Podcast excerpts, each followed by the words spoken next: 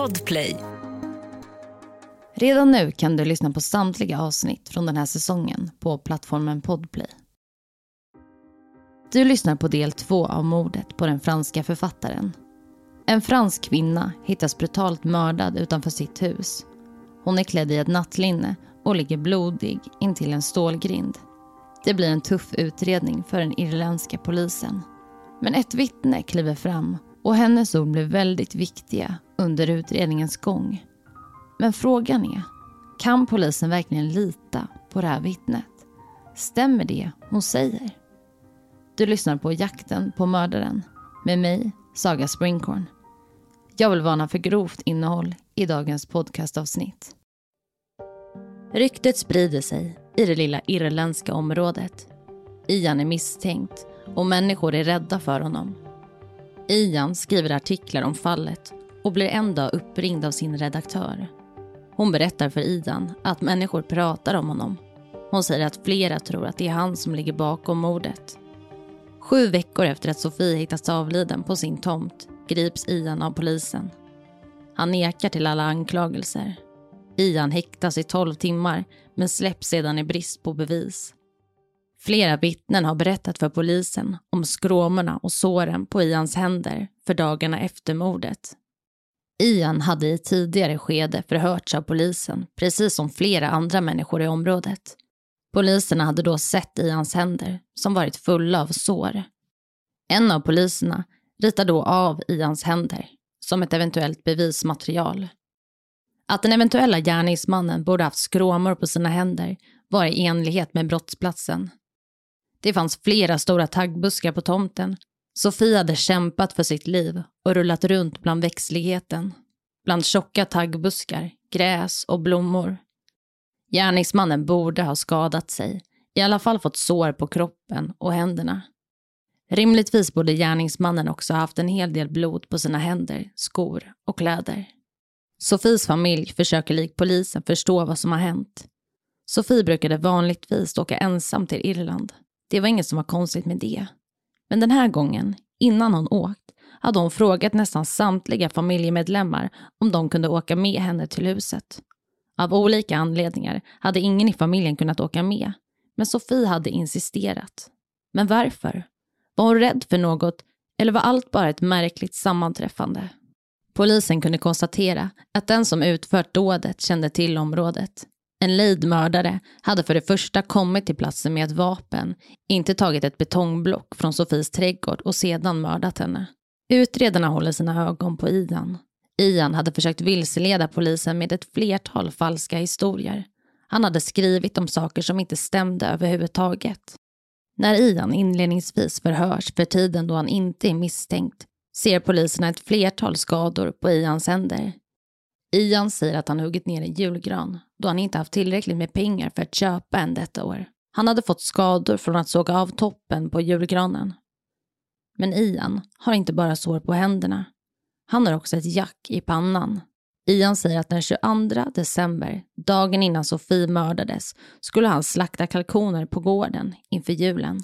Han hade hängt upp kalkonerna i taket och sedan knäckt nacken på dem. Men en kalkon hade lyckats ta sig loss och vidare landat på Ians huvud och pickat honom i pannan. Det var anledningen till att han nu hade ett jack i pannan.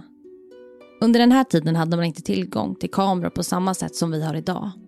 För att ta ett fotografi behövde således en polis åka till stationen och begära ut en kamera och sedan åka tillbaka till Ian.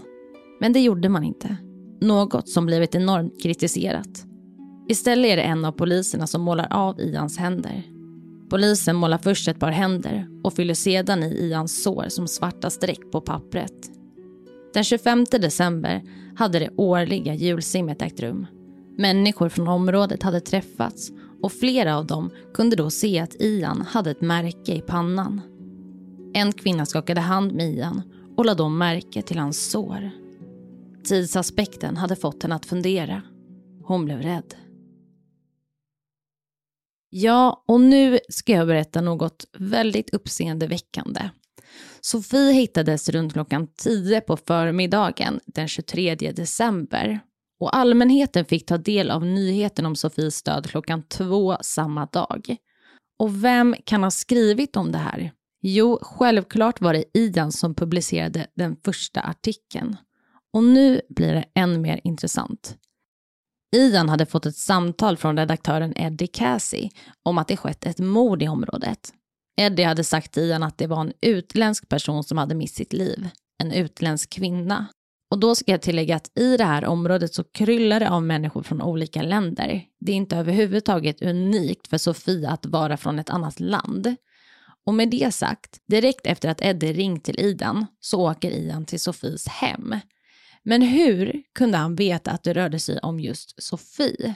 Vid den här tidpunkten hade inte Eddie information om platsen och inte heller mer än att det var just en utländsk kvinna, inte att kvinnan var fransk. Mm. När polisen frågar Ian om det här så säger Ian att Eddie sagt till honom att det rörde sig om en fransk kvinna och att han då förstod att det var Sofie. Eddie menar å andra sidan att han inte vetat att det varit en fransk kvinna vid den här tidpunkten. Ja, och det blir ännu rörigare. Samma dag hade Ian ringt en kvinna klockan 11.45. De hade haft ett planerat möte, men Ian säger nu att han inte kan komma för han behöver bevaka ett mord på en fransk kvinna. Vidare skulle han vid 11.30 leverera en kalkon till en kund, men han kontaktar kunden och säger att han inte kan komma på grund av ett mord. Och nu, Eddie ringer Ian först klockan 13.40, men Ian visste redan att det begåtts ett mord. Ja, det är flera vittnen som berättar att Ian vetat om mordet innan Eddie ringt. Och när Ian kommer till brottsplatsen runt klockan 14.00 så står han bara där en kort stund för att sedan lämna platsen. Han frågar ingenting, vilket en journalist vanligtvis gör. Och det vittnena berättar och det Ian berättar går inte överhuvudtaget ihop. Vi går vidare. Kriminaltekniker undersöker Ians hus. Man letar efter bevis som kan knyta honom till mordet. Teknikerna har en lapp med sig om intressanta kläder som Ian eventuellt kan ha haft på sig under mordet. Och inte minst då vittnet Marie sett honom på bron. En mörk kappa och stora stövlar. Man hittar inget av intresse i huset och går därför vidare till husets tillhörande konststudio. Och nu hittar man något ovanligt. På baksidan av studion har någon gjort upp en stor brasa på marken. Någon hade bränt upp något. En av teknikerna tar en stor sked och börjar leta runt i askan. Man hittar först stora fjädrar från en nerbränd madrass. Men sen, sen finner man knappar. Knappar som man tror har tillhört en rock. Man hittar också tygdelar från ett par jeans och delar från ett par stövlar. Det är alltså i enlighet med de kläderna som Marie sett Ian ha på sig när han stått på bron. Det finns också ett vittne som berättar att hon gått förbi Idans och Jules studio den 26 december. Hon hade då sett ett stort område utanför studion som brann. Någon hade gjort upp en brasa och sen lämnat platsen. Jules och Ian grips. Man vill hålla isär Jules och Ian. Utredarna är rädda för att Ian ska försöka manipulera Jules. Jules berättar att hon och Idan varit på en lokal pub den 22 december. Runt klockan halv ett hade de åkt hem, men på hemvägen hade de stannat vid en utkiksplats. Ian berättade för Jules att han då såg att det lös hemma hos Sofie. Han hade också sett att Alfis hus lös, Sofies granne. Han tyckte att de skulle åka dit för att se om det var fest. Senare hade han sagt att han trodde att något hemskt skulle hända den där natten. Jules var trött och paret åkte hem och la sig. Jules säger att Idan sovit bredvid henne hela natten. Han hade inte lämnat huset. Men Jules beter sig nervöst och när polisen pressar henne berättar hon att Ian gått upp cirka en timme efter att de gått och lagt sig. Därefter hade hon sett honom först klockan nio på morgonen. Han hade då haft en skråma i pannan och varit borta under ett par timmar. Jules säger att hon tror att Ian är den som mördat Sofie. En månad efter att Sofie dött har flera vittnen sett hur Ian sprungit runt och ylat under natten. Han hade hållit i en stav, en stav som han menade var magisk. När polisen frågar Ian om händelsen nekar han till att det ska ha skett. Både Ian och Jules ändrar sina utsagor om natten flera gånger. Ian säger att han gick upp på natten och skrev lite Tidigare hade han helt nekat till att han ens lämnat sängen. Det finns inte tillräckligt med bevis för att hålla kvar Ian och Jules. Det finns en hel del vittnen och indirekta bevis som tyder på att det är Ian som mördat Sofie. Men det behövs mer. Ian talar aktivt ut i media. Hans ansikte frontar tidningarna. Han är misstänkt av nästan alla. Och det kanske inte är så konstigt. Inte nog med att medierna pekar ut honom. Han berättar också för vissa i området att det är han som mördat Sofie. Under nyårsafton dricker paret Ricky och Rosie alkohol på en pub i lokalområdet. Ian och Jules är också på puben den här kvällen och med tiden börjar paren prata med varandra. De har trevligt, skrattar och skojar. Ian bjuder hem Ricky och Rosie till honom och Jules. Paret följer med, men hemma hos Ian och Jules händer något skrämmande. Ian börjar gråta. Han berättar om mordet och om hur han har gått för långt. Han bryter ihop och kramar Ricky. Ja, Ian ligger ju minst sagt risigt till och han berättar om mordet ett flertal gånger för flera personer. En annan gång så berättar han om det på en lokalfest och där säger han till en kvinna att han inte ville att alla skulle bli inblandade i mordet. Vid ett annat tillfälle så skjutsar Ian hem sin grannes son, Malashi som är 14 år gammal och det var inte ovanligt att hans mamma och Jules och Ian hjälptes åt att skjutsa varandras barn. För Jules hade nämligen också barn så de hjälptes åt lite. Men i bilen så frågar den här pojken Ian hur det går på Ians arbete. Och Ian säger då jag gick upp dit och slog ihjäl henne med en sten. När Malashi kommer hem så berättar han det här för sin mamma och hon ringer senare till polisen. Vi går vidare. När polisen konfronterar Ian om det de hört så säger han att det är en del av hans svarta humor. Det var lite så han brukade skämta. Men bland flera vittnen som hört vad Ian sagt så var det ingen som uppfattade att Ian skämtat. Det hade varit 100% allvar. Det har nu gått ett år sedan mordet. Sofies familj åker till Irland och firar gudstjänst i områdets kyrka. De känner att de är närmare Sofie när de är på Irland. Sofies mamma och pappa lägger blommor vid Sofies tomt och tänder ljus vid platsen där Sofie hittades. Efter 13 månader grips Ian igen. Men trots alla vittnesmål och indirekta bevis så säger åklagaren nej till att gå vidare. Han menar att det inte är möjligt att fälla Ian i en eventuell rättegång utan ytterligare bevis. Sju år passerar. Sju långa år utan svar. Och plötsligt ska allt ta fart igen. Ian stämmer ett flertal tidningar för förtal. Tidningarna hade nämnt honom vid namn i pressen, något som enligt Ian hade förstört hela hans liv. Ian är sitt självsäkra ja och domstolsförhandlingarna drar igång. Och frågan är om Ian hade den blekaste aning om vad han gav sig in på.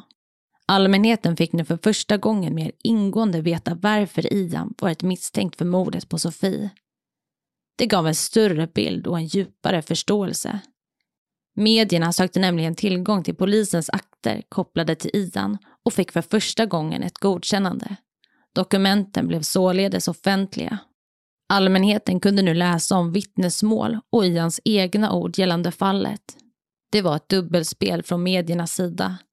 Domstolsförhandlingarna som egentligen skulle fokusera på förtal gick nu över till en form av mordrättegång. Flera vittnen deltar under förhandlingarna och berättar om vad Ian sagt till dem. Han hade ju själv gått runt och berättat att han mördat. Varför skulle inte medierna då kunna skriva om det? Vittnena är trovärdiga och upprepar det de sagt för flera år sedan. Marie som sett Ian på bron och när han gått efter Sofia är ett avgörande vittne.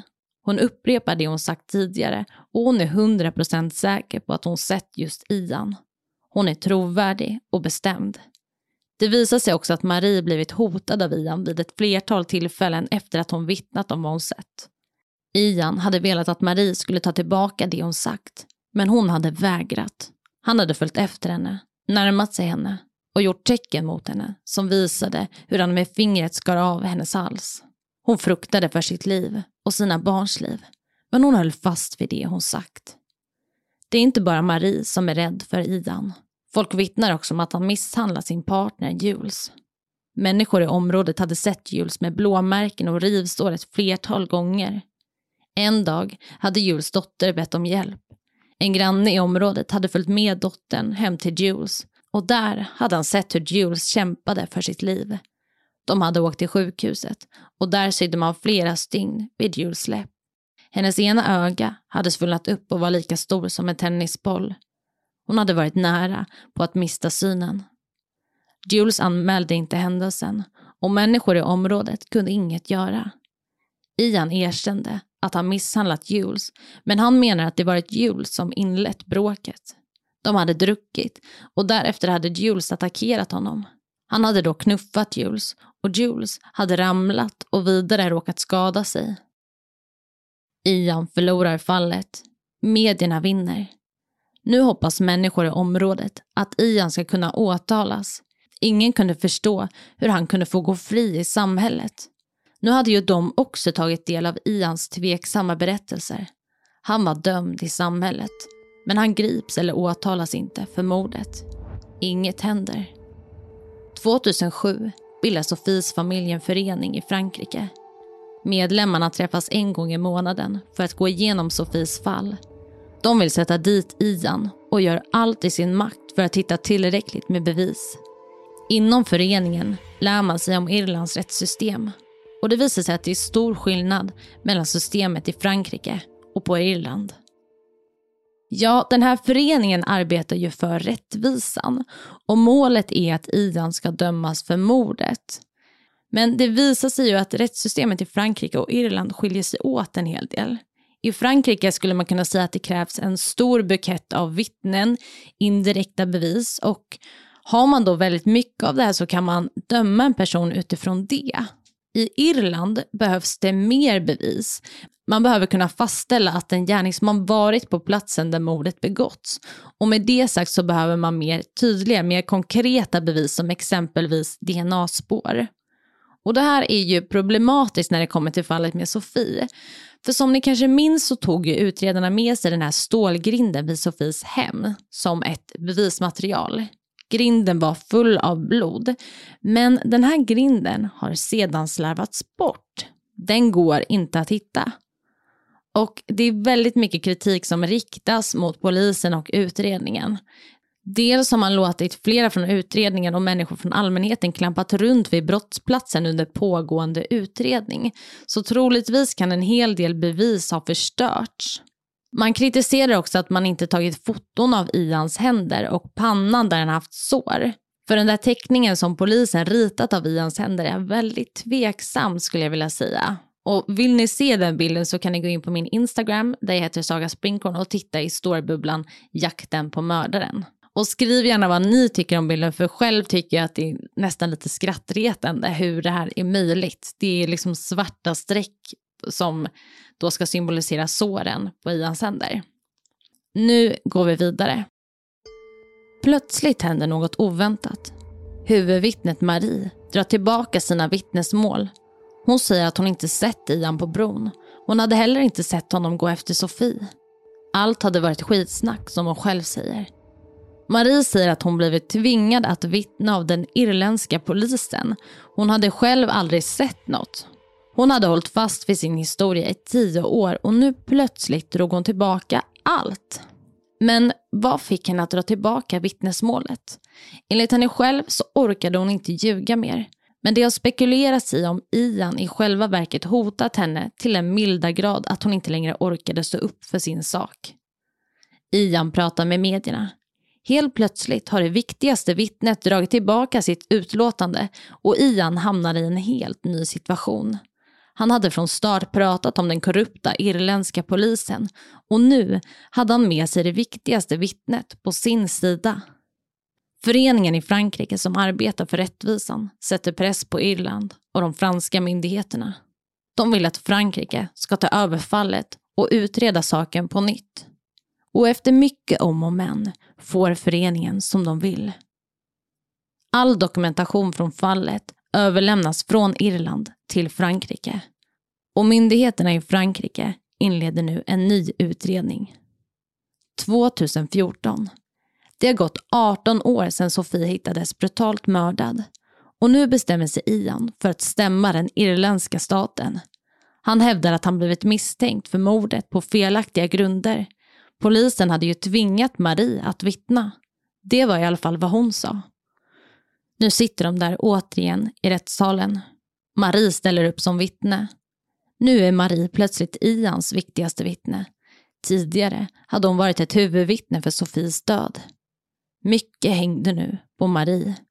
Hade hon tidigare blivit tvingad av den irländska polisen? Marie börjar berätta. Men det är något som inte stämmer. Marie tycker att flera av frågorna som ställs är jobbiga att svara på. Hon tvekar och säger slutligen att hon är trött på alla frågor. Hon reser sig upp, tar sin väska och kappa och lämnar salen. Det här blir problematiskt för Ian. Hon är ju hans viktigaste vittne. Efter en kort stund lyckas man få in Marie i rättssalen igen. Men hon är inte längre trovärdig. Hon hade ju ändrat sin historia abrupt efter tio år. Hon menade att hon varit tillsammans med sin älskare under den här kvällen då Sofie blivit mördad. Hon hade därför inte kunnat se Ian på bron. Hon var ju inte där. Men Marie vägrar berätta vad mannen heter. Den där mannen som hon varit tillsammans med under kvällen. I rättssalen pressas Marie. Hon måste berätta mannens namn för att bli mer trovärdig. Och till slut säger hon ett namn. Men den där mannen verkar inte finnas. Ingen kan hitta den där mannen som Marie nämnt. Och med det sagt förlorar Idan ytterligare en gång. Myndigheterna vinner. Den franska polisen arbetar med fallet. Det visar sig att Ian sagt olika om huruvida han träffat Sofie innan hon dött. Ian hade ju ställt upp i flera intervjuer med journalister och där blev det tydligt att han sagt olika. Till en journalist säger han att han aldrig träffat eller pratat med Sofie. Till en annan säger han att han sett henne en gång men aldrig pratat med henne. Ian hade också sagt till filmteamet som spelade in en rekonstruktion av Sofies sista dagar i livet att han träffat Sofie flera gånger. Och det visade sig också att en fransk filmproducent hade pratat med Sofie innan hon åkte ensam till Irland. Hon hade berättat om en man som velat träffa henne. Han hade velat göra ett projekt om poesi. Sofie hade tyckt att mannen varit skum och märklig och hade inte velat träffa honom ensam. Mannen hade varit journalist och hade varit intresserad av historier om våld i hemmet. Och nu, maj 2019, finns det tillräckligt med bevis för att inleda en rättegång på fransk mark. Rättegången inleds i Ians frånvaro. Men flera vittnen från Irland åker till Paris för att vittna. Sofies familj hade kämpat i åratal och nu äntligen. De hade varit övertygade om att Ian varit skyldig till mordet. Och slutligen, efter 22 år, så döms Ian i sin frånvaro för mordet på Sofie. Han är skyldig, men han döms i sin frånvaro till 25 års fängelse för mordet. Ja, Ian är nu dömd för mordet efter hela 22 år. Men Ian befinner sig i Irland och de irländska myndigheterna väljer att inte lämna ut honom till Frankrike. De irländska myndigheterna tycker att Ian har dömts på ett felaktigt sätt. Enligt fransk lag så är Ian dömd, men om han överlämnar sig till Frankrike så har han rätt till en ny rättegång. Men Ian fortsätter att hävda att han är oskyldig. Och idag bor Ian som är 64 år gammal kvar i området. Jules och Ian avslutade sin relation 2020. Jules var trött på alla fotografer och all press och hennes barn hade inte velat träffa Ian, vilket gjorde det svårt för henne att leva det liv som hon ville leva. Daniel som var gift med Sofie dog i en hjärtattack 2003 och han fick således aldrig vetskap om att Ian slutligen dömdes för mordet. Det var allt för dagens avsnitt. Och det här var också det sista avsnittet för den här säsongen. Men det är ingen idé att deppa för det, för redan torsdag den 9 december är podden tillbaka med fem nya avsnitt. Och vill du tipsa om något fall så kan du skriva till mig på Instagram där jag heter Saga Springcorn eller mejla till jakten på mordaren springcorn.se. Tack för att du har lyssnat på dagens avsnitt. Podplay, en del av